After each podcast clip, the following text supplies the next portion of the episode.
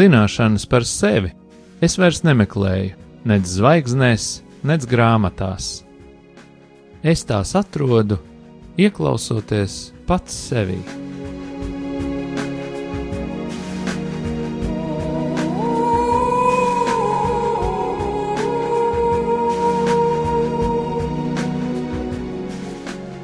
Raidījums Mīlestības terapija top mīlestības mājai, sadarbojoties ar profesionālo pastorālās konsultēšanas asociāciju. Sarunas par sevi, dzīvi, psiholoģiju un dvēseles terapiju.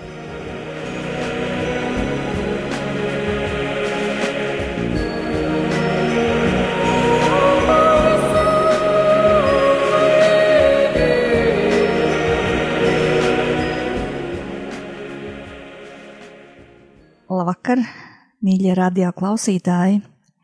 Raidījums mīlestības terapija atkal radio eterā, studijā kopā ar jums, lai mēs kopā parunātu par dzīvi, par psiholoģiju, par mūsu dvēseli un par mūsu garu.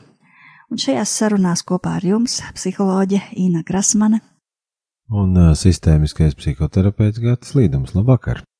Šovakar mēs esam pacēluši tādu tēmu kā es identitāte. Mēs esam daudz arī iepriekšējos raidījumos šeit pieminējuši cilvēka unikālo vienreizējo daļu, viņa unikālo potenciālu, vienreizējo aicinājumu, vienreizējo uzdevumu, kā tādu veselības zīmi, ja es to dzirdu, ja es to jūtu, ja es esmu kontaktā ar to. Bet šodien varbūt no kāda tāda īpaša aspekta uz šo jautājumu mēs gribētu pastīties kopā un parunāties, liekot tādu akcentu uz vārdu cena par tā izdzīvošanu. Jo viens ir tas, ka tu apzinājies savu aicinājumu, savu filozofiju, iekšējo savu skatienu uz lietām, un otrs ir tad, kad tu iznāc uz dzīves skatuves un to sāc izdzīvot, paust. Un par to e, droši vien ir sava cena pasaules vēsturē un dažādu nu, cilvēku, skatoties uz cilvēku biogrāfijām, mēs varam daudz atrast cilvēku stāstus par to, kā viņi izdzīvo dzīvi saskaņā ar savu sirdsapziņu, saskaņā ar savu iekšējo būtību, un parasti šie stāsti nav vienkārši. Šī izdzīvošana prasa savu cenu. Brīvībai ir augsta cena. Patiesībā savu aicinājumu, ja tu izdzīvo, tad tu esi brīvs cilvēks. Tu esi izvēlējies būt brīvs, būt pats, būt tas, kas tu esi. Es daudz pārcilāju dažādus stāstus savā dzīvē. Jā, terapijas kabinetā mums arī nākas satikties ar šo jautājumu par cilvēku dzīves jēgu, par cilvēku dzīves jā, aicinājumu, par cilvēku dzīves uzdevumu, par to, kas ir jāsamaksā par to, lai es tur nokļūtu. Bet man tā kaut kā sirdī ļoti mūsu mīlestības mājas projekts ieskanējās, kā arī kāda cilvēka dzīves uzdevums, aicinājums un e, maksa, ko mēs par to maksājam. Jā, šis projekts, šī dzīve šeit mīlestības mājā ir ārkārtīgi iedvesmojoša priekš manis. Es tiešām katru dienu izdzīvoju savai dzīvē jēgu, un īstenībā mēs kā ģimene to izdzīvojam, un tas ir ļoti skaisti, tas ir ļoti spēcīgi, tas uh, darbojās pat ārpus mūsu, tas, kā mēs bijām iecerējuši, tas ir daudz vairāk nekā mēs bijām domājuši, un tas ir daudz spēcīgāk. Bet šim visam ir arī kāda otra medaļas puse. Lai šis būtu, lai mūsu mīlestības māja šeit būtu, tas prasīja uzvarēt bailes, tas prasīja ieguldīt sevi, varbūt līdz pēdējam, pat vairāk nekā tev ir. Tas prasīja mūsu katra paša personisku un arī reizē kā ģimenes transformēšanos, pārveidi, un cena par to ir kaut kāda īpaša gudrība, ko tu saņem šajā ceļā. Tā ir um, tāds atslēgas, kā atslēgt vienas vai otras dzīves durvis. Jo tu vari ļoti ilgi meditēt par durvīm, un pārdomāt un filozofēt, bet ir jāmēģina viņas slēgt vaļā, un tad tu iegūst pieredzi, kā atslēgt. Un uzreiz droši vien tas neiznāk, nesanāk. Tu piedzīvo kādu neveiksmi, kādu grūtību. Tātad cena par savu aicinājumu ir drosme, atdošanās, ziedošanās, un tai pašā laikā liels gandarījums un prieks. Un katrs mēs, ejot šo ceļu, kas izvēlējušies šādu ceļu iet, piedzīvojam kādas krīzes, nogurumus, varbūt tāds brīžs, ka tā nav spēka vairs iet. Un man arī, protams, ir bijuši šādi brīži, un es vērsos pie mūsu priestera kādā reizē pēc eh, tāda garīga atbalsta un padoma, šobrīd pie bīskapa, kādā punktā, ka man vienkārši trūka spēka, un es viņam uzdevu jautājumu, varbūt, ka es esmu nu, sākus celt tādu kaut kādu svara stieni, kas nav man spēkam. Varbūt, ka nu, vienkārši jāatzīst, ka es kļūdījos un jāpagriež dzīves kuģis citā virzienā, kādā vieglākā. Un viņš man atbildēja ļoti īsi. Viņš teica divas lietas, kas kļuva par manu nākamā ceļa posmu stūrakmeni. Ja tu nespētu to izdarīt, ja tev nebūtu tam resursu, Pat tad, ja tu to šobrīd vēl neapzinies, tev tas netiktu iedots. Tas vienkārši nenotiktu. Ja tu to nevarētu novest līdz galam, tad tas tev netiktu iedots, lai tu to sāktu. Un, lai es turpinātu, viņš man deva divus tādus garīgus padomus. Un viens padoms bija katru dienu pagremdē Kristus spēkā, ņem savu krustu un seko viņam katru dienu. Ir lietas, kuras tu nevari izdarīt pati ar savu spēku. Ņem savu krustu, seko viņam, pagremdē sevi viņā un ej šo dzīves ceļu viņā. Un šeit es nerunāju par tādu krustu kā kaut kādu neirotisku ciešanu, uzņemšanos, bet vienkārši ļaušanos viņa spēkam, viņa garam, viņa iedvesmai. Un tad ir otra lieta, ko viņš man teica, kas man ļoti ierakstījās dziļi sirdī, kurai es arī turpinu sekot katru dienu, ņemot šo krustu. Ja esi uzsākus kādu garīgu ceļu, vairs neskaties atpakaļ. Vienkārši neskaties atpakaļ. Tas man ļoti arī atgādina šo vietu no vecās derības par Sodomu un Gomoru, kur arī kādai ģimenei tika uzticēts šis ceļš no punkta A uz punktu B uz izēju ar pavēli neskaties atpakaļ, citādāk paliks par salstabu, un arī palika par salstabu šī sieviete, kā mēs zinām. Tātad neskaties atpakaļ, neskaties pagātnē, neskaties neveiksmē, neskaties to, kas vakar nesanāca. Ej vienkārši uz priekšu. Laikam šīs divas atslēgas priekš manis šajā ceļā ir tā cena, ko es maksāju katru dienu, un tādā veidā lēnām viņa spēkā sāk notikt apbrīnojams lietas, un mēs ejam caur krīzei uz jaunu pakāpienu, caur kādai citai krīzē, atkal uz kādu jaunu pakāpienu. Un, kad ir atkal kāda krīze, tad es jau ar savu šī, šo pieredzi kopā ar šo projektu domāju, nu, laikam priekšā ir kāds jauns pakāpiens.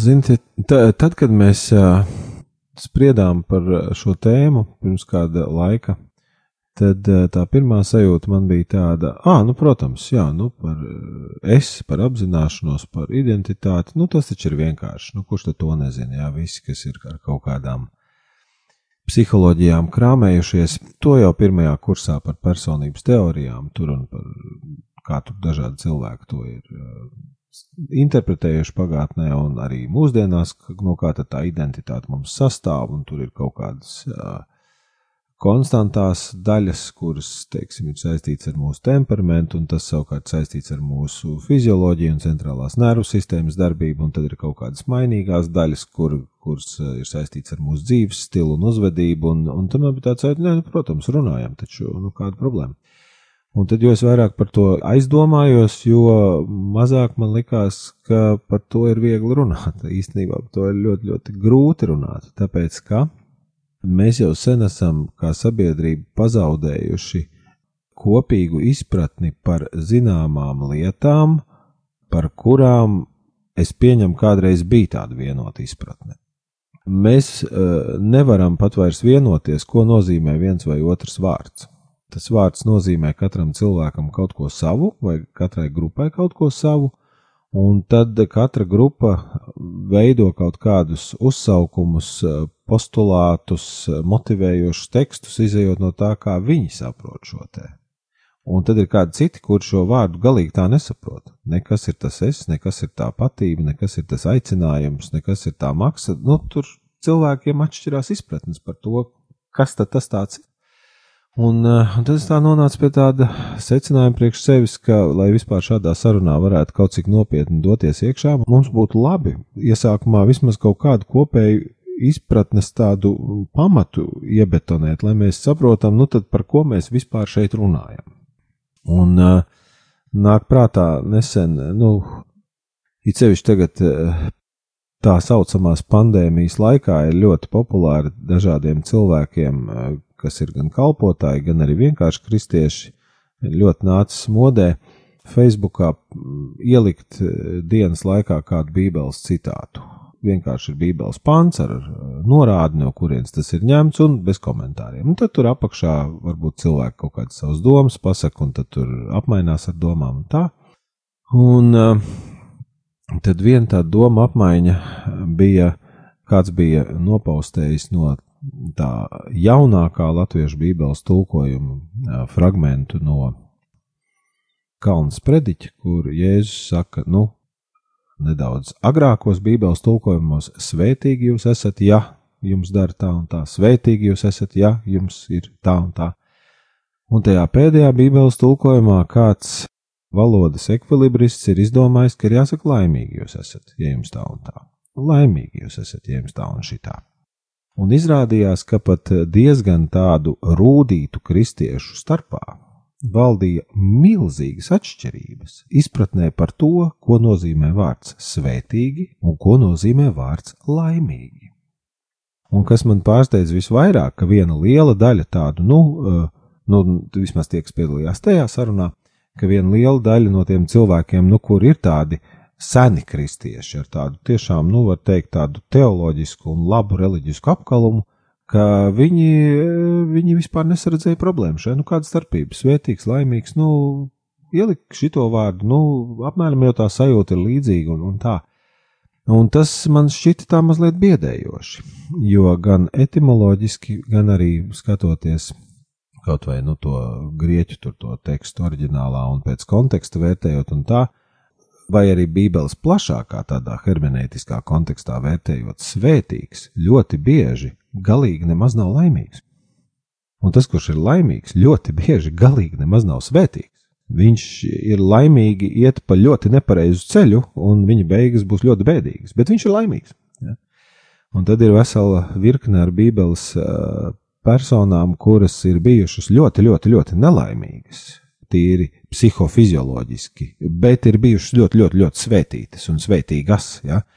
Es vienkārši minēju kā piemēru. Es nedomāju, ka šis raidījums ir vērts, lai paceltu šo debati, ja? un, un tā. par to, ko, kā atšķirās šie vārdi, bet viņi ļoti spēcīgi atšķirās, un arī tie emocionālie stāvokļi, kas tiem vārdiem iet līdzi atšķirās. Bet kā tad mēs to saprotam? Un es domāju par to patību, par to identitāti un par to aicinājumu būs tieši tāpat. Ja? Labi, tad par to identitāti es saprotu, ka mēs tā mazāk par to aicinājumu, tā vairāk. Protams, ka aicinājums, tu ļoti forši pateici, aicinājums kaut ko maksāt, tā ir tā kā, nu, upurēšanās un iešana kaut kādā virzienā, pat ja tu nejūti, ka tev ir tam resursi un ja tev nebūtu tas aicinājums, tad droši vien Dievs tev neļaut iet tajā virzienā, un, un nu, tas viss ir ļoti forši. Bet es tā iedomājos, vai tīri psiholoģiski reizēm nav tā, ka mēs paši sev mēģinam nu, radīt tādu izjūtu, ka manam aicinājumam ir jābūt kaut kam tādam nu, ļoti, ļoti lielam. Nu, tā, nu, nu, ja es kaut ko būšu tādu ļoti, ļoti lielu izdarījis, tad es savu aicinājumu būšu piepildījis. Ja es būšu cīnījies, ja es būšu gājis pret straumi, ja es būšu maksājis dārgi par savām izvēlēm, tad tas, aicinā, tad tas ir īstais aicinājums. Un es nesaku, ka tā nav, bet es eh, vienkārši esmu spiests domāt par to, ka varbūt nevienmēr tā ir. Pateikšu, ko es ar to domāju.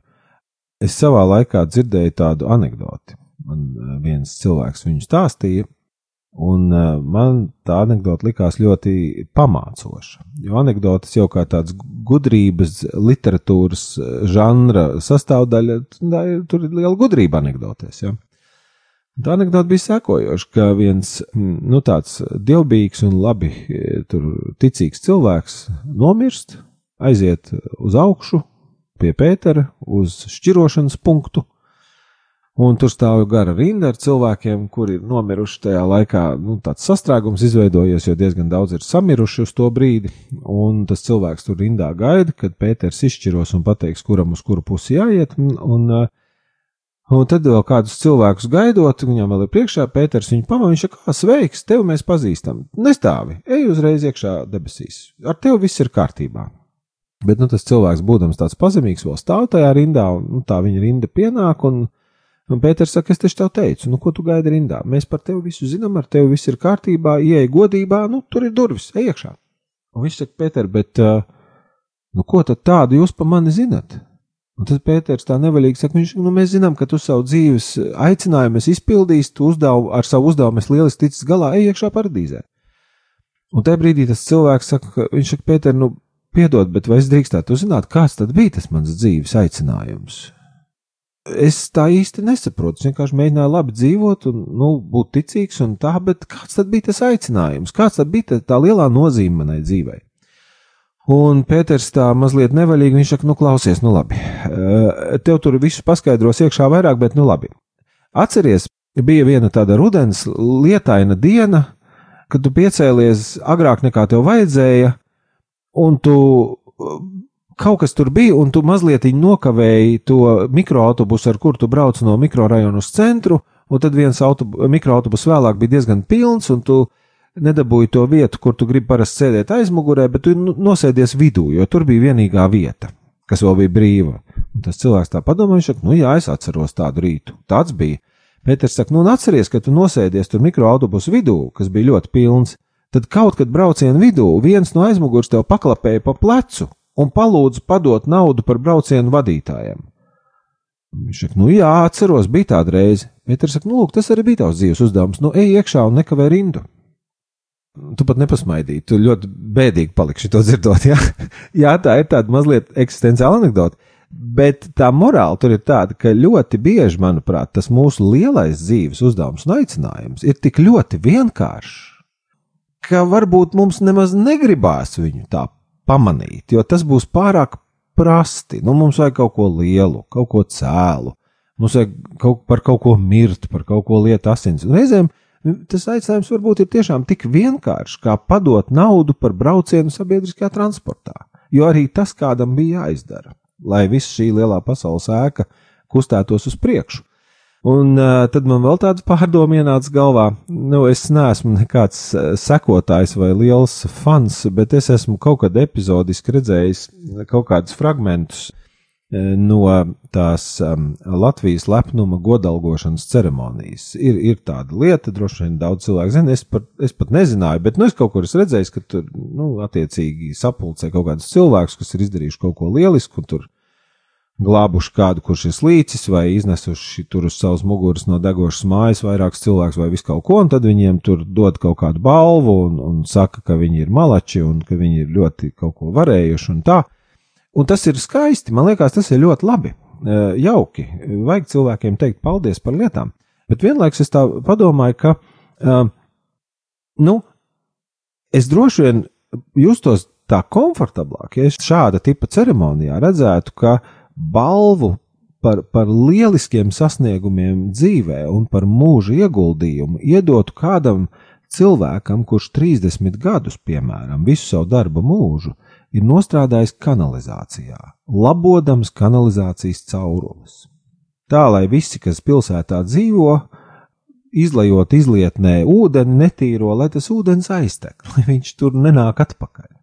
Bet neviens jau nevienam kanalizācijas speciālistam, kurš ir zem zemes labojis caurules 30 gadu garumā, viņam neviens nekad nedos nekādu balvu, jo mēs par šiem aicinājumiem esam uztaisījuši tādu hierarhiju. Nu, ja tu esi izglābis divus slīkstošus bērnus, tad tu esi varonis, kurš ir pelnījis balvu. Par tevi ir jārāda televīzijā. Ja tu esi 30 gadus liet, labojis kanalizācijas caurules zem asfalta seguma, zini, nu, mēs ar tevi īsti negribam runāt. Nu, zini, nu, tas nav tas darbs, par ko mēs te dodam balvas, un ja tu tur pa tiem mēsliem 30 gadus rakņājies, nu, tev par to arī samaksāja, nu, vienkārši liecies mierā, ja? Un, manuprāt, par to būtu jādomā, jo arī tāds aicinājums ir nenormāli nopietna un svarīga lieta. Tas vispār nodrošina visu citu aicinājumu iespējamību. Ja? Nu tā, tādas pārdomas, un es nezinu, vai tas, vai tas kaut kādā veidā arī tevi uzrunā.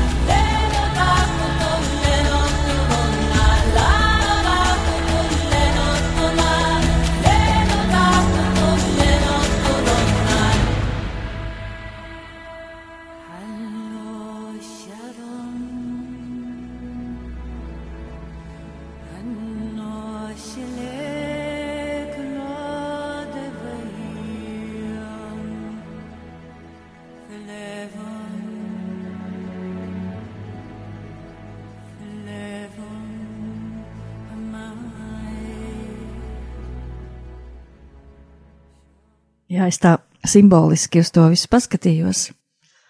Protams, ka uzrunā, jo aicinājumi tiešām ir ļoti dažādi, un varbūt, kad eh, es to varētu pārvērst pišķi citādākā valodā, vienkārši, piemēram, kāda sieviete, kas izdzīvo kaut kur laukos ļoti dziļi savu dzīvi, un eh, sastībā ar savu sirdsapziņu, izaudzinot kaut kādus vairākus bērnus pa krietniem ļaudīm, un varbūt atrisinot kaut kādus dzīves uzdevumus savā laulības dzīvē, kas nav vienkārši, pagriežot varbūt visas dzimtas likteni kādā citā virzienā, ir tas pats stāsts par to kanalizāciju.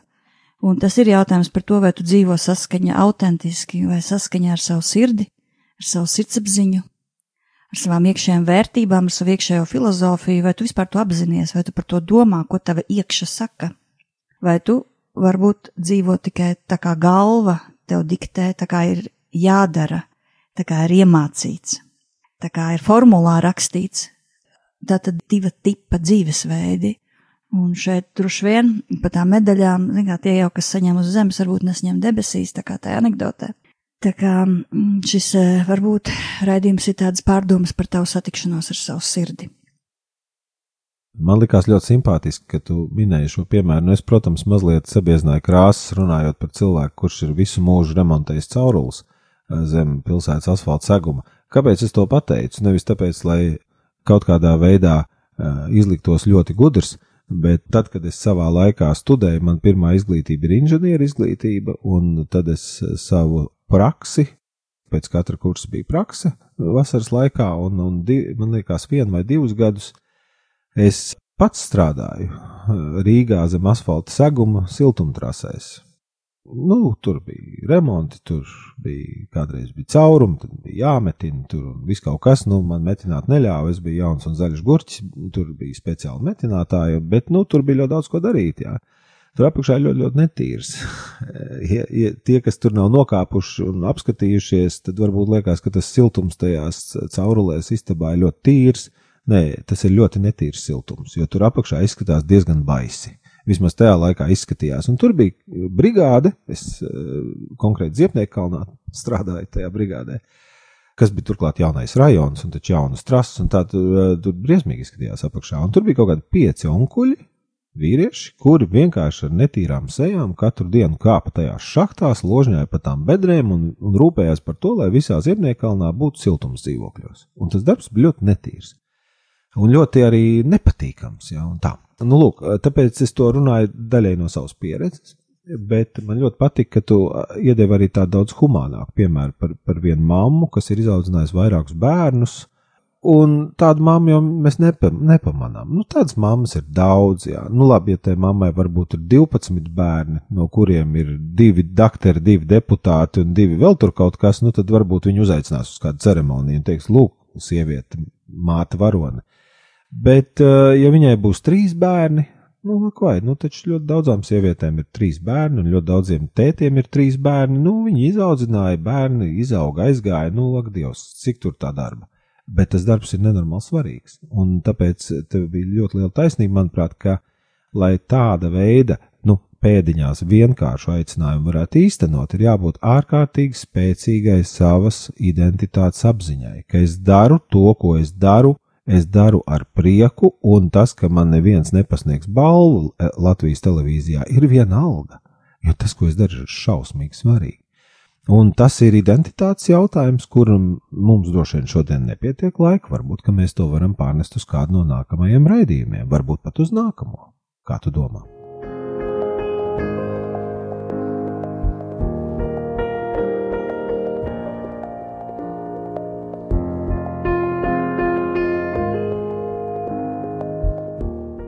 Jā, un kā vienmēr nobeigsim šo mūsu sarunu, lai lūgtu par mūsu sirdīm un par šo satikšanos ar savu sirdi.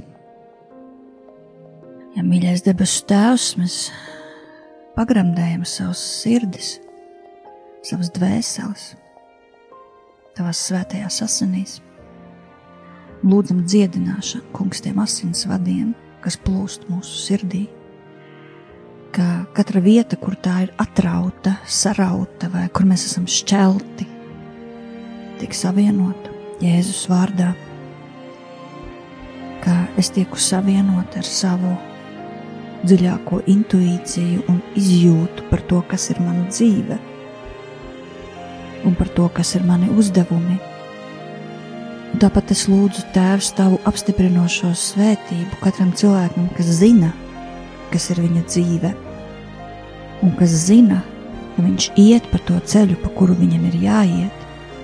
Varbūt tas nav viegli, un ir šie šaubu gari, kas dažādā veidā mēģina novirzīt no ceļa. Es lūdzu tavu apstiprinošo tēvu svētību par katru cilvēku, sievieti, vīrieti, bērnu. Lai nāk tava valstība, kungs, un tava klātbūtne katra mūsu dzīves ceļā.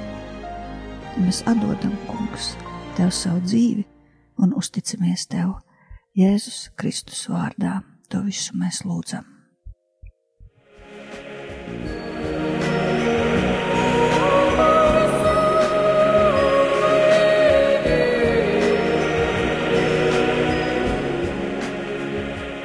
Jūs klausījāties raidījumu mīlestības terapija.